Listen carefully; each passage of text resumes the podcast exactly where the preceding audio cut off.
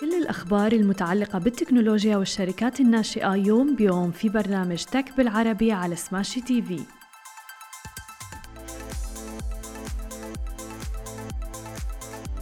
صباح الخير وأهلا وسهلا فيكم ببرنامجكم تك بالعربي. معكم أنا هالة بسام ومعنا بخلف الكواليس علي. خلونا نبدأ بأهم العناوين اللي رح نحكي فيها بنشرتنا لليوم. بداية إيلون ماسك يقرر تسريح موظفي تويتر وانخفاض أسهم سناب شات بعد نتائجها الأخيرة ومنصة مكسب تحصل على تمويل جديد. وبداية أكيد نبدأ أخبارنا لليوم في الحديث عن إيلون ماسك. وطبعا تطوراته مع آه، قضية تويتر تتضمن خطط إيلون ماسك لشركة تويتر خفض عدد موظفيها بنسبة 75% تقريبا في غضون أشهر. وقبل أن إيلون ماسك اللي طبعا هو من المقرر أن تنجز صفقته البالغة 44 مليار دولار لشراء تويتر بحلول 28 أكتوبر قال أنه رح يخفض عدد موظفي تويتر إلى أكثر من 2000 شخص فقط من 7500 موظف حاليا. ماسك كان قد أبلغ المستثمرين أنه بيعتزم تقليص عدد الموظفين في عرضه الأول للمصرفيين للحصول على التمويل. وفي وقت سابق من هذا الشهر قال أيضا الملياردير الأمريكي وطبعا هو الرئيس التنفيذي لشركة تسلا إنه رح يمضي قدما في صفقة الشراء لجعل تويتر شركة خاصة. منهيا بذلك معركة قضائية استمرت لعدة أشهر حول هذه الصفقة. وإنه حتى لو لم ينتهي الأمر بامتلاك ماسك لتويتر فإن الشركة رح تحتاج لتقليص قوتها العاملة لخفض التكاليف. أنتم خبرونا شو رأيكم بهذا القرار من إيلون ماسك؟ هي نسبة كبيرة اللي عم نحكي فيها عم نحكي عن تقريبا 75% من موظفي الشركة فتعتبر نسبة كبيرة جدا لموظفي تويتر. أما إذا بدنا ننتقل إلى ثاني خبر معنا لليوم عن أيضا منصة تواصل اجتماعي أخرى ولكن شركة سناب. أعلنت سناب عن عائدات أضعف من المتوقع للربع الثالث يوم أمس الخميس فيما هوت أسهم الشركة 24% في تداولات ما بعد الإغلاق بعد ما سجلت الشركة أول نمو أحادي في العائدات في تاريخ الشركة.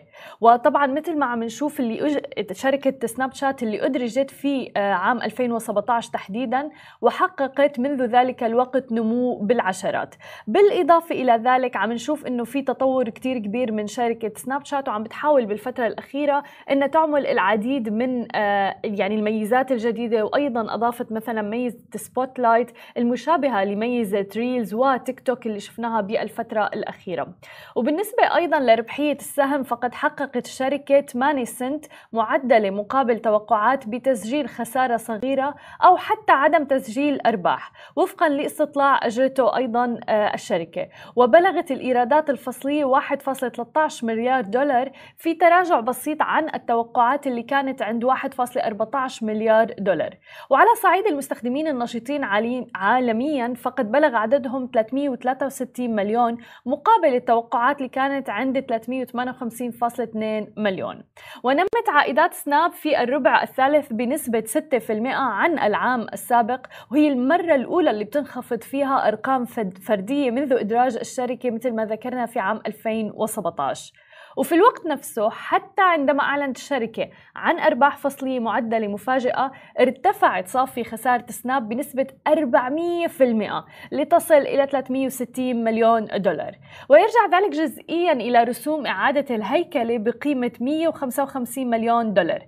وزاد المستخدمون النشطون اللي هن المستخدمون بشكل يومي على منصة سناب بنسبة 19% على أساس سنوي مما يدل على أن الشركة لا تزال قادرة على جذب الأشخاص إلى الخدمة على الرغم من الصعوبات في جانب الأعمال. وانخفض متوسط العائد لكل مستخدم بنسبة 11% ليصل إلى 3.11 دولار. في أغسطس تحديدا أعلنت سناب أنها رح تسرح 20% من موظفي الشركة البالغ عددهم 6000 موظف كجزء من خطة إعادة هيكلة كبرى. وشكلت تكاليف الفصل والتكاليف ذات الصلة جزء طبعا كبير من رسوم إعادة الهيكلة في هذه الفترة لذلك تعتبر فترة صعبة على منصة سناب. أما إذا بدنا ننتقل إلى آخر خبر معنا لليوم في الحديث أكثر عن عالم الشركات الناشئة والاستثمارات في منطقتنا العربية وتحديدا في مصر. جمعت مكسب المصرية 40 مليون دولار أمريكي في جولة استثمارية بري سيريز بي تأتي هذه الجولة بعد عام على إعلان الشركة إغلاق جولتها الاستثمارية سيريز A على دفعتين. الأولى كانت بقيمة 40 مليون دولار أمريكي والثانية كانت بقيمة 15 مليون دولار أمريكي. ما يرفع قيمة ما حصلت عليه الشركة لأكثر من 100 مليون دولار أمريكي. طبعا كانت مكسب قد تأسست في عام 2018 في مصر للعمل على ربط المتاجر وأيضا المحلات مع مصانع وموردي السلع الغذائية والبقالة.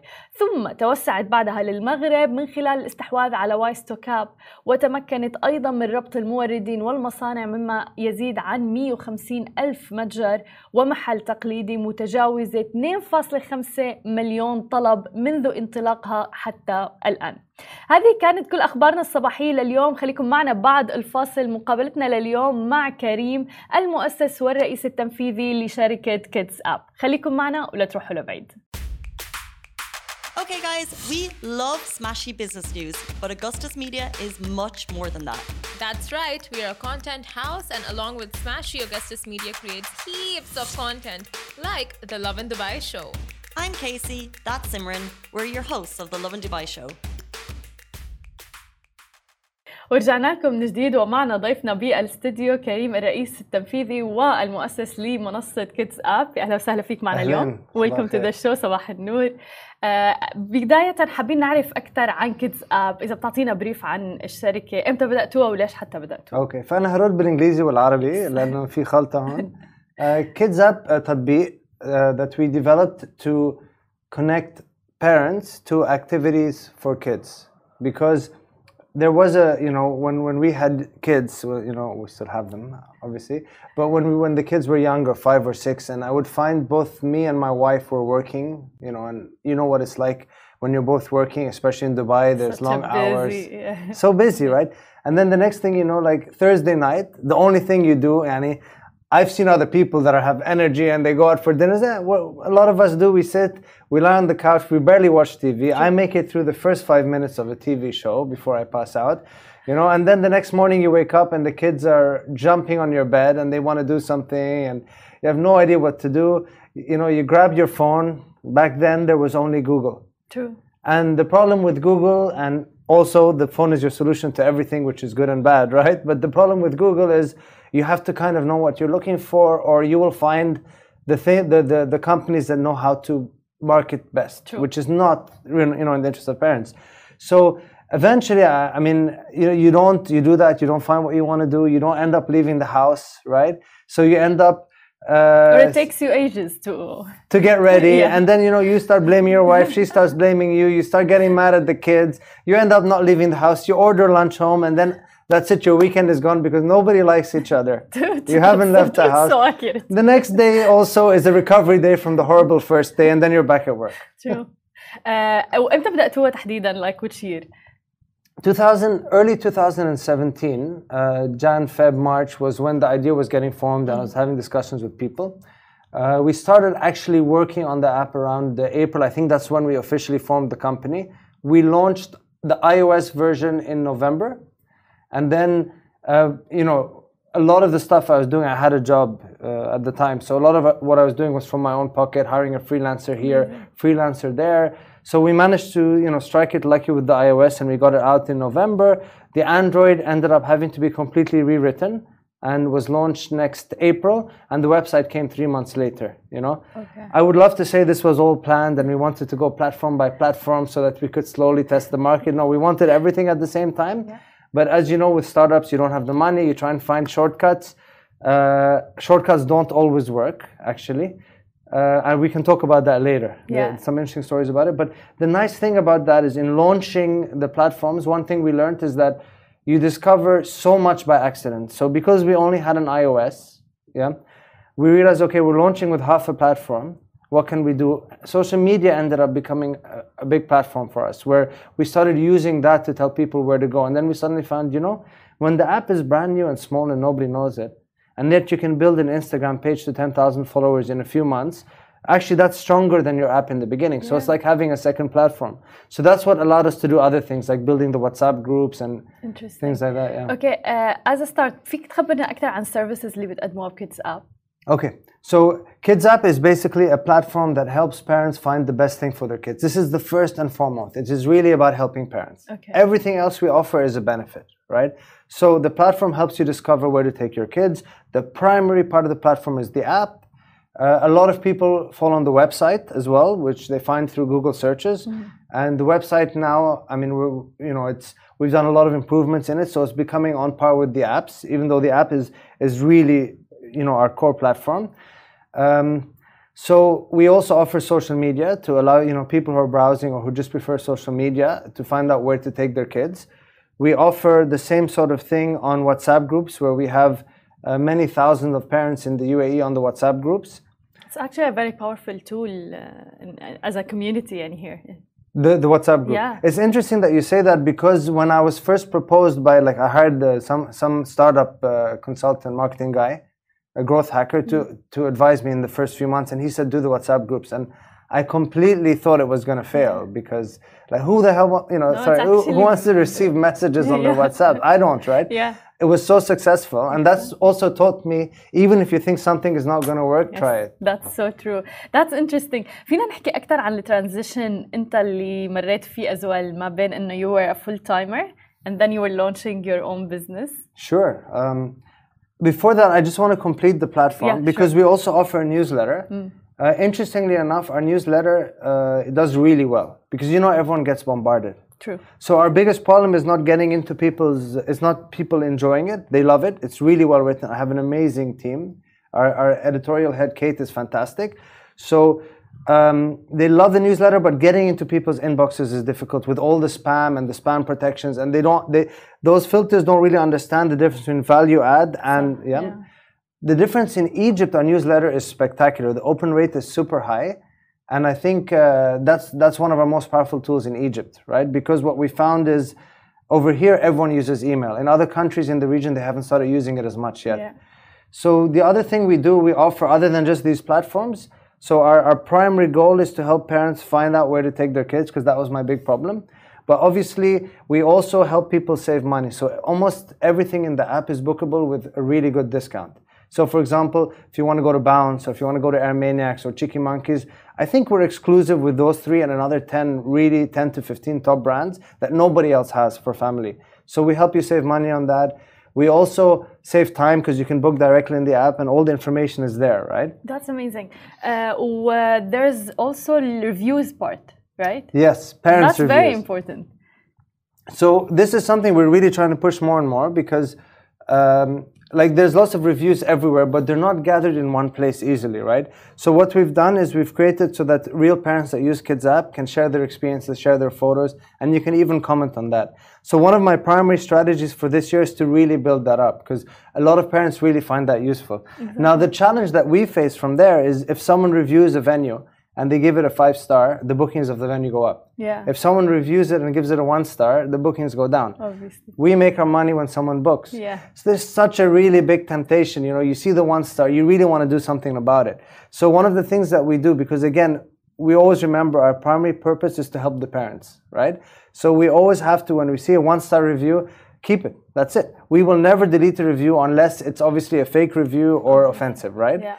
And then we'll go to the venues and we'll convince them, look, you need to reach out to this customer and somehow find a way to convince them that you've dealt with the problem that they identified. But that's amazing. And, and Transparency yeah. as well. Transparency and improving the service. yeah. And then we really encourage the venues, and some are different, you know, receptive to different levels, right? To then encourage their users to review it so that the purchases go up for both of us, you know? Exactly. So that's that's the platform. Interesting. طيب إذا بدنا نرجع ل your transition from a full timer because we get a lot of questions about that, especially for people that they want to launch their own business, but also they're afraid to do the jump, for instance. So tell us كيف أنت كنت full timer and then uh, you started. You talk to any VC and they'll tell you, no, no, you have to have a whole team, you have to be dedicated. That's the only way to succeed. And it's very discouraging when you hear that. yeah. because not all of us know how to go down that route of how to talk to VCs and to set up a business that will work for them. Because also, not all businesses. There's two things you need to do if you're going to go down the route where you go and you get funding and you drop everything and you do it, right? One is you have to have a track record Yeah. or you and you have to be very slick at understanding how to talk to these kind of investors and then the third thing is you have to have a certain type of business or be able to present your business as that type of business that the VCs are looking for. You can have a beautifully successful business, okay, but it might not be, you know, the style of investment VCs want. So I had a lot of that challenge. Everyone was telling me, listen, there's competitors out there where they're full time and they're raising money and you're going all on your own and you're hiring people freelance in different countries. And yes, it made things very difficult, right? But there was no other way we could do Kids App. Hmm. Not with the funds that we had, not with the time that I had, or the experience that I had with dealing with investors, right? So there's a lot of companies out there that have bootstrapped very successfully. Mm. There's one called Jotform that I really liked because we used them in the early days. And he, I mean, the founder even wrote a story about how they bootstrapped in the beginning. And um, Jotform is basically kind of like a form, like Google Forms, but a lot more powerful. And we were using it for our bookings in the beginning. Mm. And then I, I, this, you know, you will quote me obviously because I'm on on live, but if I recall, Mailchimp started was bootstrapping for many many years, and Interesting. If I recall correctly, it was Mailchimp or one of the other big uh, mailing things. So you can be successful bootstrapping as long as there is the time and it's the kind of business you could do it you know? Maybe for example an uber or a Careem couldn't do it because you need to scale really fast. But kidzap is the kind of business where you can grow organically and hasn't been done a lot before. So there's a lot of learnings. So even if you grow fast you could grow in the wrong way.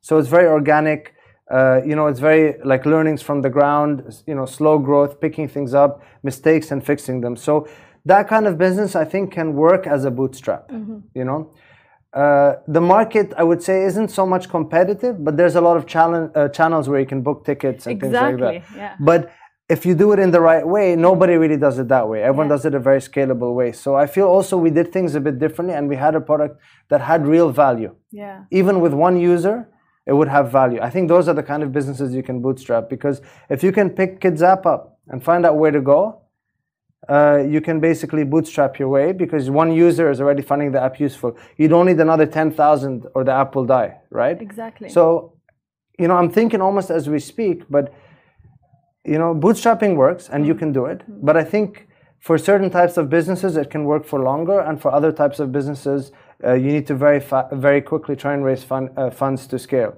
And for the kind of business Kidzap is, it worked because there's a lot of learnings, a lot of organic growth, and the product itself has value from day one. But you just need to have enough money to see it through. And you also need to be able to find ways to get the funds when you start running out.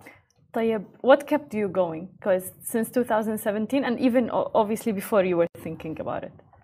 So basically, uh, so first of all, in the beginning, it was my salary. Yeah. So uh, you know, I I remember for the first uh, nine months to a year, I'd be waking up at 5 a.m. I would uh, work on Kids App, then I would go to the office. Then at the lunch break, I would, uh, you know, uh, co- uh, contact the developer or whatever. And then after Hours, things, yeah. I'd go home, and then 6 to 7 p.m. became my uh, sacred time with the kids. Wow. Which I didn't have before. So this actually forced me to spend more times with the kids in a really, it's your special one hour where you don't have to stress about all the work and kids app and everything. And it actually gave me a lot of uh, freedom and I think it was really nice for the kids, right? And then from seven until one, again, I would work, sleep, wake up at five. That was a cycle. It's very tough. It's not easy to bootstrap. And then uh, around about COVID time, just before COVID hit, we were just starting to gain momentum. And I managed to get friends and family to put in really not much money, but enough to really say, okay, I can leave uh, my company and work on a Kids app for a year and really grow it. So I left the company and then lockdown hit. Oh my God. and Uh, lockdown, uh, obviously, you know, there's no events, no. I'm getting no salary in Yeah. from my company. There's nothing happening outside. But we were very lucky because, I mean, we had an amazing team and they all like went down. We didn't even go down in salary too much. I think somewhere between 30 and 40%. Yeah. Uh, we Which didn't a lot to- of companies already did. a lot of companies yeah, went more and they Yeah, let people exactly. go and we Yeah. didn't we didn't and part of the reason we didn't is because we were used to running at a loss so you know Mm. Yeah. it didn't hurt us too much but what it meant is it would have been harder to grow but we managed to pivot we did a lot of content stuff uh, kids app tv live on instagram in the app we did um, a, a online summer camp in partnership with barbie and baby shop we Nice. did uh, yeah we did a lot of stuff that taught us about content and during that time also basically i had a month and a half two months where I didn't have to worry so much about customers and clients and merchants, and I really focused on uh, improving the features, making the app more robust. The other thing we did is we worked with uh, different partners. They didn't have digital platforms like places like Bounce, for example, Cheeky Monkeys, Air Maniac, Splash and Party. All of those are not they're bricks and mortar, Yeah. so they don't have a way to reach their their customers during the lockdown, right? So what we did was we gave them a platform to work with us on online classes to keep to stay in the mind of the customer. All this seems to have worked. Came together after COVID when the lockdown launched. That's really when we started growing, you know. So everything came together at that time. Amazing. Um, but we started talking about this because we were talking about how do you bootstrap, right? Yeah. So we did all this, and there has to come a time when you stop bootstrapping, right? So what I did was, uh, you know, I, I focused on Kids App for about a year, year and a half.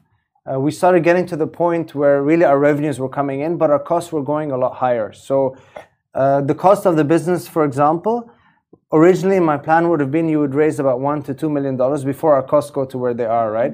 Thankfully, we've grown enough that we're almost covering these costs that should require an investment of two million dollars, and so uh, we're looking at, uh, and I'm taking a small salary from Kids App, right? So we're looking at now raising money just purely for growth, right? So it's a different environment, but I've gone back to doing consulting work Okay. because now for a different reason. Initially, I was funding Kids App. Now I'm getting a small salary from Kids App, but between my wife and I, we still have like uh, two kids and school fees and rent. yeah. So the, the difference now is that I'm more consulting with less hours to help, you know, the family expenses, Yeah. not to fund Kids App anymore. Which so is very realistic to yeah. it's a, it's a better position to be in and it's a new space to be in right Yeah. and i you know from looking where kids app is and um, so you can say there's different reasons to do that to work while you're bootstrapping Mm. Yeah. right one is to get the business up another one is then to supplement your uh, entrepreneurial income yeah. right Yeah. I think, uh, without a doubt, I believe that Kids App can 5x to 10x just in the UAE, not even considering Egypt or the other countries we can go to, right? Yeah. So now we're looking at exactly the question you asked are we going to bootstrap or do we raise funds now for the mm. next year to mm. really grow? Mm. So, you know, it's very interesting like the whole journey. And that takes me to another question which is like you have the brand awareness you have the marketing and content and you have the tech side as well. What was your biggest challenge in this journey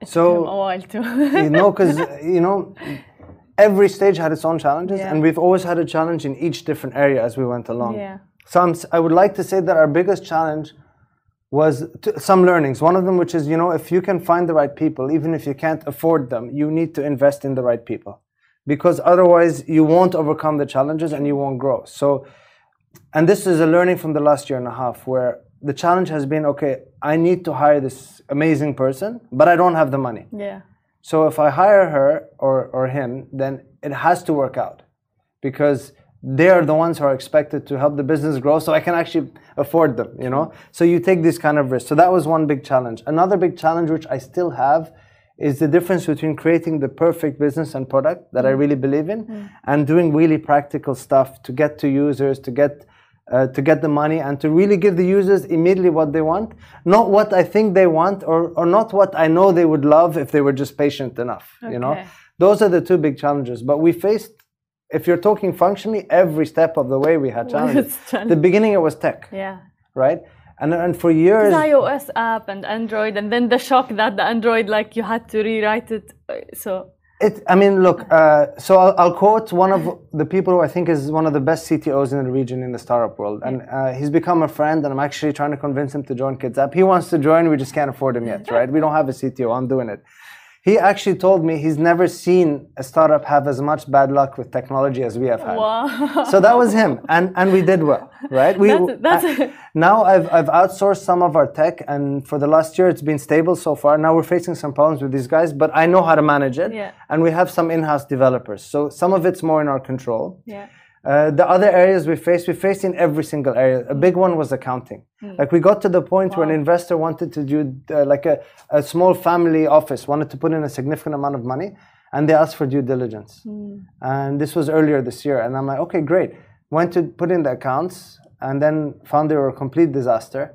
So we had to keep hiring accountant after accountant after accountant. it's a waste of time. The same problem that I had until eventually one of our partners, who is a, a finance guy, one of the f- friends and family invested, he's handling the accounting with with an accountant he knows, and we're paying him, you know, much more than I can afford. Yeah. Again, the same concept because Yeah. we need this and it's the right thing to do, and we're cleaning up the finances. But we've already lost that investor, but there will be others, Yeah, right? obviously. So seven months the guy's been waiting, you know. So that's that was a challenge. The other challenge we faced was marketing, and it, the funny thing is every time, and I don't know if this is how the world works. It probably is, but or if you're just driven, once you really have to solve the problem, you will find the solution. Marketing and digital. Um, uh, digital advertising was our big problem, right? So now uh, we spent a long time trying to find the right marketing strategy person and the right, you know, performance marketing person that understands data and analytics and everything, right? And now is the time we really, really need it. So one of them is actually in the studio and she's doing an amazing job. Yes, shout out to her. And uh, oh, she's filming Yeah. us now, Louis. Hi. yeah. And and we, you know, but then that leaves the weakness we have, which is on the performance marketing and data side. So, you know, a, a very good friend of mine from my old job, and by the way, this is why bootstrapping is amazing because you'll find your old colleagues were with you on the journey, and they will support you with contacts and, and everything. Found me an amazing performance marketing person. Uh, that is going to start working with us in the evenings, you know, also bootstrapping Amazing. and um, they will give us i think clean up how we do measurements and analytics and everything and just the first conversation with them showed me we found the right person right and so i feel now that was marketing was the problem now it's getting solved it's going to rotate it's going to keep rotating sure. once you know hopefully in the next three months we solve marketing the next problem might be tech it might be uh, customer service you know there, there's so many things طب Kareem, you talked a lot about talent. Can you tell me just take like two indicators of a good talent? like what what tells you that that's a good talent for you? Is it passion? Is it believing in the product? Like so uh, there's a lot of things i'm not good at yeah. But there, I mean, I'm good at a lot of things, but there's a lot of things I'm not great at. But if there's, I, I think one of the skills that I have that I've learned over time is, is recognizing talent, right? Okay. And I've thought about this. It's funny you asked that. I've thought about it a bit to try and think, what is it that I recognize? I feel it's a bit intuitive, right? It is. For me. Yeah. So, for example, uh, you know, everyone's good at something. I'm lucky to, be, that could be my thing, right? So, for example, I'll be in a sales meeting uh, with someone from another company trying to sell us something. And then I'll ask them if they're happy in their job because I want to hire them. so I had that, and we hired, we hired that person, and they joined. Uh, maybe someone else nearby, the same thing happened, you know. and then, um, like, uh, you know, I was talking to this guy yesterday, the marketing guy. I believe he's going to work out, in, inshallah, you know. So this is what is it that does it? So the first thing I think for me is that if they wow me, like if you see them in action, it's amazing. So Yeah. they need to wow you. So if you're sitting in a sales meeting and the salesperson wows you, if you're dealing with a customer service at another company, you've got a problem, you're really frustrated, and you're like, wow, the guy calmed me down, solved my problem, and he does it every time. Yeah. I'm thinking of someone already that I want to try and have a coffee with and hire, you know? He's a good headhunter. you know, or, or uh, there were, you know, those are the things. Mm. Then, but you see the opposite. You can go to a company and saying, "Man, you've made me hate your company. True. Like that is the worst customer service I've ever seen. To save a hundred dollars when you could work with me for a thousand every year, you know." So this is the thing. They have to wow you, and then if you can take that to the interviews and to the people you meet, if you can turn the interview into actually what you'll be doing with that person. So, for example, if you're dealing with a customer service, put them a bit under pressure in the interview, make them a bit un- un- uncomfortable, ask them questions that a, that you know in, in the style an, a, a frustrated customer might be. Give them problems to solve. See how they solve your problems. And I don't do this very like you know yeah, calculating way. yeah. It just seems to have Yeah. emerged, right? So then you can be wowed. You know, this person. Like once I was going to hire someone for social media, and then I realized that actually I was giving them some challenges, and they might be better in customer service, Mm-hmm. right? Another time we hired someone for social media, wasn't working out. Uh, but I knew in, in their previous company they were doing kind of brand sales, right? So we, you know, we agreed that person and I agreed to shift them to brand sales. It's been very short time, a month. So far, it looks like they're going to be amazing. Like, so the first thing I think is let them wow you. I think the second thing is to be flexible because you could have a talent, but then you don't know, uh, but it's just in the wrong place, That's right? so true. So we hired also a so like uh, initially we hired a writer in Egypt to work on some writing, and then within but our social media person left, and we desperately needed someone for social media. So we put this person on social media, and they've been like they were the most one of the most talented social media person we've ever worked with. Yeah. She stayed a year and then she started her own business, right? But But still that. so yeah. I would say those are the two things: be ready, be on the lookout for talent. Uh, I love seeing them in action part. Like, uh, this is the only way Yeah. so that you can and then if you're wowed by someone Yeah. recognize it and then be flexible enough to take advantage and say i need this person exactly. you know Mm-hmm. like or i need to move this person or i need to keep this person i think that those are the two things uh, in talent Amazing. What's next for uh, Kids App? And we were chatting off air, like if, if a company, a big company, for instance, or any company would like to offer to buy Kids App, and we were chatting, like Groupon, for instance, would you sell it? There- yeah, every everybody has a price Right. you know if they you know if you came to me with one billion dollars i might think about saying yes Okay. maybe yeah. No, th- on a serious note, there's a couple of things. I don't think we're at the stage where we want to sell. I think there's so much more value that we can very quickly create with the right finances. You know, so if you give me the right money, I think we can end up being worth a $100 million in, in five to seven years and then uh, continue to be a billion dollars. I believe that, right? At the same time, there's a risk. So I always ask myself, what would I do if someone came and offered me money for Kidzap right now? And I have partners as well. So Yeah. you have to consider that. And I think, okay, would it be this much or that much or this much, right? So, you know, I, I would come to the point where I get to $20 million, Mm. right? And I say, um, right now in this microsecond, the answer is no. I wouldn't sell it Mm. for 20 million. But if they came and put 20 million dollars on the table in front of me, You might think about it. uh, you know, there's a yeah, obviously Yeah. everybody would. Okay, then I don't have to do the double jobs and the Yes. consulting, and I can, you know. But uh, I believe we can get to a hundred million dollars. You know, Mm. uh, at the moment we're not profitable, right? Which makes sense because if we were, it means we're not trying to grow, Yeah. right? Um, so I do believe we can be fairly soon worth hundred million dollars if we if everything goes right for us and we play our cards right. Yeah. You know. Um, so that's one thing.